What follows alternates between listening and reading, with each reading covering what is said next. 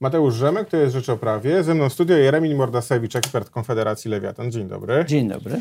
Proszę pana, od przyszłego roku minimalna pensja ma wzrosnąć o rekordowe 350 zł do poziomu 2600 zł miesięcznie. Docelowo do 2023 2023 y, roku pensja minimalna ma wzrosnąć do 4000 zł. No, z naszych obliczeń publikowanych na pierwszej stronie Rzeczpospolitej wynika, że oznacza to wzrost y, kosztów zatrudnienia tych osób z minimalnym wynagrodzeniem o prawie 40 miliardów złotych. Y, I co to oznacza dla biznesu, ta podwyżka minimalnego wynagrodzenia? Dla biznesu oznacza to dokładnie, tak jak Pan powiedział, dodatkowy koszt rzędu 40 miliardów złotych. Przy czym pamiętajmy, że około 40% tej kwoty, czyli około 15-16 miliardów złotych, wpłynie dodatkowo w postaci składek na ubezpieczenia społeczne, podatku VAT e, e, i podatku PIT, tak? znaczy podatku dochodowego. Dlaczego podatku VAT? Bo w przypadku osób o niskich wynagrodzeniach praktycznie całość wynagrodzeń jest przeznaczana na konsumpcję. Czyli możemy przyjąć, że rząd w czwartym roku otrzyma o 15 miliardów złotych więcej. Przedsiębiorcy będą musieli zapłacić o 40 miliardów złotych więcej. Ale czy to jest jakaś taka forma ukrytego podatku? No bo to było wiadomo o tym, że te skokowe wzrosty minimalnego wynagrodzenia w poprzednich latach, jakby one też zasilały przede wszystkim e, kasę państwa. No ale do tej pory te minimalne rosło o 100 zł, 150 zł. I tak to e, raz tak, raz tak. No ale 350 zł to jest naprawdę dużo. Dotychczas minimalne wynagrodzenie rosło mniej więcej w tempie zbliżonym do średniego wynagrodzenia. Średnie wynagrodzenie, jak wiadomo, rośnie mniej więcej 7% nominalnie rocznie, tak? czyli realnie jest to wzrost e, mniej więcej 5%, przy wzroście wydajności pracy o jakieś 3,5%. Tak? To znaczy już dzisiaj widzimy, że e, wynagrodzenia rosną blisko dwa razy szybciej niż rośnie wydajność pracy. Rząd zakłada, że w najbliższych czterech latach wydajność pracy będzie rosła mniej więcej 3,5% e, rocznie czyli w ciągu czterech lat urośnie o te 14-15%. Jednocześnie zakłada wzrost e, płacy minimalnej o 78%, przy czym realnie, e, bo to jest nominalnie o 78%, realnie o 65%. Oznacza to, że praca tych osób o niskich kwalifikacjach e, będzie, stanie się droższa w ciągu 4 lat o 50%. No ale mówimy tylko o grupie y, mniej więcej półtora miliona osób zatrudnionych. No to jest tak, no, tak. pewnie co, co dziesiąty y, pracujący w tej chwili na, na rynku. No więc jakby to nie przełoży się na wzrost kosztów zatrudnienia w ogóle. No, te... To prawda. Na ty, yy, spośród ogółu pracujących jakieś 12-13% uzyskuje płacę minimalną, ale proszę pamiętać, że murarz musi zarobić dwa razy tyle, ile pomocnik murarza. Jeżeli podnosimy płacę minimalną, osób, które mają płacę minimalną, to w sposób naturalny rosną wynagrodzenia osób powyżej tego poziomu, ponieważ my musimy w firmach zachować odpowiednią relację płac. Trudno mi sobie wyobrazić, żeby ktoś, kto przychodzi do firmy, nie ma żadnego doświadczenia, rozpoczyna karierę zawodową, dostawał tyle, ile pracownik pracujący y, u nas y, 3 czy 4 lata, czyli mający już pewne doświadczenie, chociaż e, na razie jeszcze o stosunkowo niskich kwalifikacjach. Znaczy, chodzi mi o to, żebyśmy byli świadomi, że podnoszenie płacy minimalnej pcha w górę wynagrodzenia zbliżone do płacy minimalnej. Oczywiście to nie ma znaczenia powyżej średniej, e, średniego wynagrodzenia w kraju już, tak?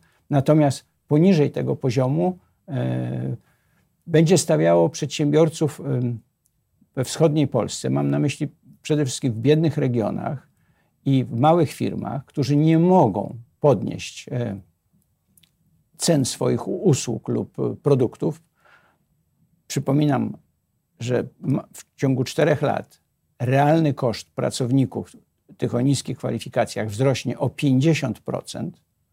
Trudno mi sobie wyobrazić, żeby e, w regionach o niskiej sile nabywczej mieszkańców przedsiębiorcy mogli to sobie zrekompensować podwyżkami cen. Raczej nie będą mogli. W związku z tym powinniśmy się spodziewać takiej reakcji, że po pierwsze część ludzi zostanie oficjalnie zwolniona i będzie dalej pracowała w formie już nieoficjalnej, no bo wtedy się nie odprowadza składek e, i podatków. Możemy się na to oburzać, ale, bo to jest niezgodne z prawem. No ale sądzę, że mali przedsiębiorcy e, pójdą na to rozwiązanie w, w, w, i to moim zdaniem stosunkowo często. Drugie, druga możliwość to jest próba podwyższenia cen i to też będzie miało miejsce. To znaczy, e, mam na myśli produkty, które nie są transferowalne, bo e, inaczej sprowadzalibyśmy te produkty z zagranicy. Ale na lokalnych rynkach różnego rodzaju usługi, E, świadczone lokalnie i produkty e, też e, obsługujące lokalny rynek, no trochę wzrosną. Okej, okay, no dobrze, ale po kolei. Rozbijmy to na, na, na, yy, na dwa wątki. Bo jak zareaguje biznes? Bo spotkałem się z taką opinią, że podwyżka płacy minimalnej, jakby i związane z tym koszty, podwyżka kosztów zatrudnienia spowoduje wymusi takie inwestycje y, y, w innowacje, właśnie na przykład jakąś tam y, automatyzację jakichś działań, tak gdzie, gdzie, tak, gdzie, gdzie, tam, gdzie będzie można zwolnić na przykład kogoś i zastąpić go maszyną, to właśnie nastąpi. I czy taki, jak, zastanawiam się właśnie, jaki to będzie miało takie przełożenie na takie stosunki biznesowo-pracownicze, gdzie ci pracownicy mogą stracić pracę, gdzie ta automatyzacja może nastąpić. Tam, gdzie automatyzacja produkcji, czy nawet na pierwszym etapie to mechanizacja produkcji, e, nie automatyzacja, jest e, e, uzasadniona ekonomicznie, to będzie miało miejsce. To znaczy przyspieszą się procesy mechanizacji czy robotyzacji, ale to dotyczy naprawdę niewielu firm. Żeby robotyzacja czy automatyzacja były opłacalne, to musimy mieć odpowiednio dużą skalę produkcji, ponieważ szarże, znaczy E, serie produkcyjne muszą być odpowiednio długie. E, w małych firmach jest to po prostu nieopłacalne i niemożliwe wręcz. Po drugie, niemożliwe jest to w usługach. Czy pan sobie wyobraża proces automatyzacji e, w tych sektorach, gdzie płaca minimalna występuje bardzo często? Mam na myśli gastronomia, czyli restauracje, bary, turystyka i hotelarstwo. No, trudno mi sobie wyobrazić, żebyśmy na przykład panie, które zmieniają pościel w pokojach, zastąpili automatami. Proces mechanizacji, automatyzacji produkcji przebiega, ale przebiega w sposób uzasadniony ekonomicznie. Znaczy, zastanawiam się, no bo taki skutek na przykład miało wprowadzenie tej minimalnej stawki godzinowej na branżę ochroniarską. Że tam, gdzie się dało, tam firmy ochroniarskie zrezygnowały z żywych pracowników na rzecz właśnie na przykład monitoringu kamer i, i, i zapisu wideo. Tak. No więc podejrzewam, że w wielu branżach taki skutek e, podwyżki minimalnego wynagrodzenia nastąpi w ten czy w inny sposób. Tak, w branży ochroniarskiej jest to możliwe, natomiast w branży, które wymieniłem, tak, e, mam na myśli turystyka, e, hotelarstwo, gastronomia, nie bardzo jest to możliwe. Owszem, na przykład w handlu mhm. będzie się stosowało, już się stosuje coraz więcej kas elektronicznych, które same szczytują kody, tak, tak. bezobsługowe. Ale e, ja myślę o małych firmach i, i to mnie trochę zaskakuje w, w, e, w, w tym działaniu rządu, bo rząd powiedział, że staramy się ułatwić życie małym firmom, małym przedsiębiorcom w małych miasteczkach. W Polsce e, można powiedzieć B, tak? Tam, gdzie jest mała siła nabywcza ludności, gdzie przedsiębiorstwa są z reguły małe i działają właśnie w branżach niezautomatyzowanych, nie niezinformatyzowanych. I teraz czego się możemy spodziewać? E, no po pierwsze, redukcji części zatrudnienia e, we wschodniej Polsce, w biednych regionach pracowników, którzy będą zwalniani szczególnie z małych firm. Na przykład, nie wiem, ktoś, kto w małym sklepiku wiejskim zatrudnia jedną osobę, e, z tej osoby zrezygnuje, starając się obsłużyć klientów, e, których ma zresztą niewielu, na przykład e, rodziną, tak? kimś z rodziny. Ale ten proces przyspieszy redukcję miejsc pracy w małych miasteczkach i w miastach średniej wielkości i E, przesunięcie się zasobów do dużych miast w Polsce, do dużych przedsiębiorstw, w których koszty pracowników są znacznie mniejsze w stosunku do kosztów kapitału. To znaczy w firmach, które mają dużą produktywność, dobre osprzętowienie, produkują na eksport i te firmy będą w stanie zamortyzować taką podwyżkę płacy minimalnej. Zresztą płaca minimalna w tych sektorach, takich jak na przykład energetyka, e, przemysł, w ogóle występują rzadko. Tak? One są ograniczone do biednych regionów i do małych firm. I teraz e, zadałbym takie pytanie rządzącym, czy są przygotowani na wchłonięcie tych ludzi z małych miasteczek, e, z biednych regionów do dużych miast? Bo jeżeli tego nie zrobimy, to ci ludzie wyjadą za granicę. No bo jeżeli ktoś nie może pojechać e, pracować do Wrocławia, Poznania, Warszawy, Krakowa czy Gdańska, bo tam e, nie znajdzie mieszkania, no to pojedzie do Dublina, Londynu, Ostatnio duża emigracja do Niemiec, tak, pozostaje Norwegia. E, dlatego zaskoczony jestem e, tą propozycją, bo to oznacza taką samą reakcję jak w niektórych krajach, na przykład skandynawskich, kiedy w Szwecji podnoszono silnie e, płacę minimalną, bo tego się domagały związki, to widać było szybką konsolidację biznesu, czyli ten rozdrobniony biznes po prostu nie wytrzymywał, upadał. Następował przyspieszony wzrost produktywności i płac.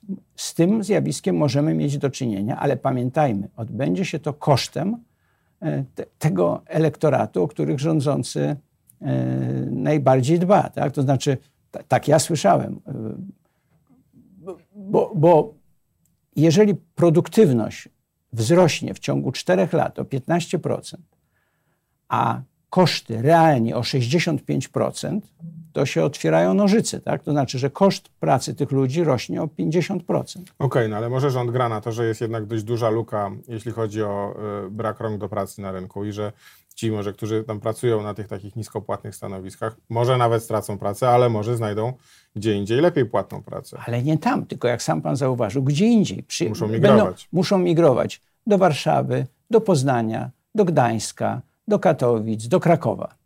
I teraz skąd? Z warmińsko-mazurskiego, z podlaskiego, z lubelskiego, tak? Oczywiście to jest możliwe, tylko tempo tej migracji musi być skoordynowane z, na przykład z e, budową mieszkań. I gdyby pan mnie zapytał, to ja sam bym odpowiedział, zamiast e, dawać dotacje do rolnictwa, 50 miliardów złotych rocznie, taką dotację dostaje polskie rolnictwo. Wolałbym połowę tej kwoty przeznaczyć na budowę mieszkań w dużych ośrodkach miejskich, gdzie jest praca, gdzie praca czeka na ludzi. Mało tego, praca na tyle produktywna, że płatna powyżej płacy minimalnej, tej przewidywanej. Czyli y, chodzi mi o pracę, za którą można dostać 4-5 tysięcy miesięcznie, a nie 2,5 czy 3 tysiące miesięcznie. Ale to jest proces, tego się nie załatwi z roku na rok, a nawet w 4 lata. Wręcz przeciwnie, ja ciągle słyszę w mediach, że e, PiS e, chciałby podtrzymać e, egzystencję małych miasteczek, miast średniej wielkości, czyli jakby spowolnić proces odpływu, szczególnie młodzieży, z tych ośrodków do większych ośrodków albo wręcz za granicę. Takie podniesienie płacy minimalnej, o, o którym dzisiaj mówimy, no, niespotykane. Ja, ja, ja, nie spotkałem się w żadnym kraju z, z, z takim szybkim wzrostem płacy minimalnej. Ten wzrost niepokryty wzrostem wydajności pracy, wzrostem produktywności, wymusi migrację do dużych ośrodków miejskich, a obawiam się, że ponieważ w tych ośrodkach nie ma dość mieszkań, to również za granicę. Taki wzrost kosztów zatrudnienia musi się także przełożyć na inflację. No, nie ma siły. No, w mniejszym czy, czy większym zakresie na pewno będzie to odczuwalne. No i pytanie, co zdrożeje, co może zdrożeć w pierwszej kolejności, E, a co zdrożeje najbardziej w finale w tym 2023? Znaczy tak, nie przeceniałbym wzrostu płacy minimalnej na inflację, bo znacznie większy wzrost na inflację ma wzrost płac ogółem. To znaczy, jeżeli wynagrodzenia rosną nam dzisiaj średnio 7% rocznie, a już taką tendencję mamy od ponad dwóch lat, tak, to to będzie powodowało inflację. Natomiast e, wzrost płacy minimalnej dołoży się do tego, ale y, o ile pamiętam, rząd zakłada w takiej prognozie czteroletniej wzrost, e, inf, e, wzrost e, wynagrodzeń średnio w kraju rzędu 6%. Dzięki podniesieniu płacy minimalnej może to być utrzymany na dotychczasowym poziomie wzrost 7%. Tak? Czyli, czyli jakby można powiedzieć, że za tą inflację, za, za jedną szóstą, jedną siódmą tej inflacji będzie odpowiadał wzrost płacy minimalnej. I teraz co, co zdrożeje? Tak? E, w pierwszej kolejności y, usługi świadczone lokalnie, bo ich nie ma kim zastąpić. Tak? To znaczy, jeżeli nie jesteśmy w stanie e, zrealizować jakiejś e, usługi przy wyższych kosztach pracowników, no to musimy podnieść koszt usługi. Więc jeżeli ktoś będzie chciał sobie wyremontować domek na Podlasiu, gdzie ostatnio mieszkańcy dużych miast budują sobie e, domy letniskowe, no będzie musiał zapłacić więcej. Usługi lokalne niewątpliwie e, zdrożeją. Druga sprawa, produkty sprzedawane lokalnie. Ale w momencie, kiedy mamy e, produkty transferowalne, które możemy kupować i sprowadzać z zagranicy, to wpływ, o którym mówimy, już nie będzie tak e, znaczny. No ale wtedy wytransferujemy pieniądze za granicę. No tak, nie, to, to, nie znaczy, że ja uważam, że to jest właściwe działanie, że to jest korzystne, tylko no, żebyśmy byli świadomi. No, na przykład moim zdaniem e, niedawno byłem, bo dużo jeżdżę na rowerze, e, po Podlasiu. E, usługi gastronomiczne, hotelarskie, turystyczne świadczone tam, no, będą musiały zdrożyć, bo e, tam pracują właśnie w dużej mierze ludzie na E, minimalnym wynagrodzeniu. No ale przyznajmy też, że są w tej chwili bardzo atrakcyjne, porównując je do większych miast. Tak, oczywiście. I to jest, to jest właśnie powód, dla którego twierdzę, że przy tak szybkim wzroście płacy minimalnej nastąpi przepływ do dużych ośrodków miejskich. Dlaczego? Ponieważ w Polsce mamy dzisiaj wyraźnie e, trzy kryteria, które różnicują płace w przedsiębiorstwach. Po pierwsze, wielkość przedsiębiorstwa w firmach małych wynagrodzenia mikro, w firmach mikro do 9 są prawie o 2000 mniejsze niż w firmach e, dużych. Po drugie, lokalizacja, dlatego mówię o biednych regionach, małych miasteczkach, tak, terenach, gdzie rolnictwo ma duży udział. Tu, rolnictwo, ale również turystyka. Tak? No i, i trzecie kryterium to jest branża. Dla branży energetycznej, dla przemysłu samochodowego tego typu podwyżka nie ma wielkiego znaczenia. Natomiast dla branży gastronomia, hotelarstwo, turystyka, również handel, e, mm, no ma to ogromne znaczenie, bo tam płaca minimalna występuje i w ogóle niskie wynagrodzenia występują znacznie częściej. E, o ile dobrze pamiętam, w sekcji gastronomia, hotelarstwo, turystyka wynagrodzenia są ponad dwa razy mniejsze niż w takiej sekcji jak na przykład energetyka, górnictwo, E, bankowość czy przemysł. Okej, okay. chciałbym Pana zapytać jeszcze o jeden element programu przedstawionego w sobotę, czyli o obniżkę składek z działalności e, gospodarczej, czy raczej e, chciałbym powiedzieć uzależnienie składek z działalności gospodarczej od dochodu.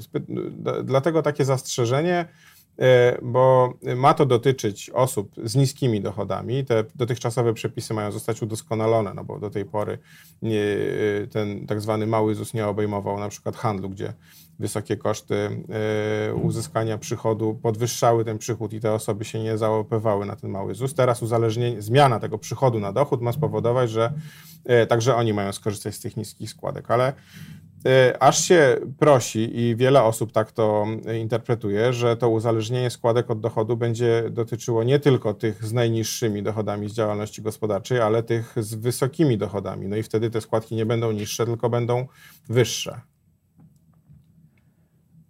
Gdyby rząd obniżył tylko składki dla przedsiębiorców, czyli uzależnił je od dochodu, e, poniżej składki obecnie płaconej, przypominam, że podstawą tej składki jest 3000 zł miesięcznie, no to nikt by z przedsiębiorców nad tym nie bolał, dlatego że dzisiaj mamy i tak już cztery instrumenty pozwalające obniżać składki.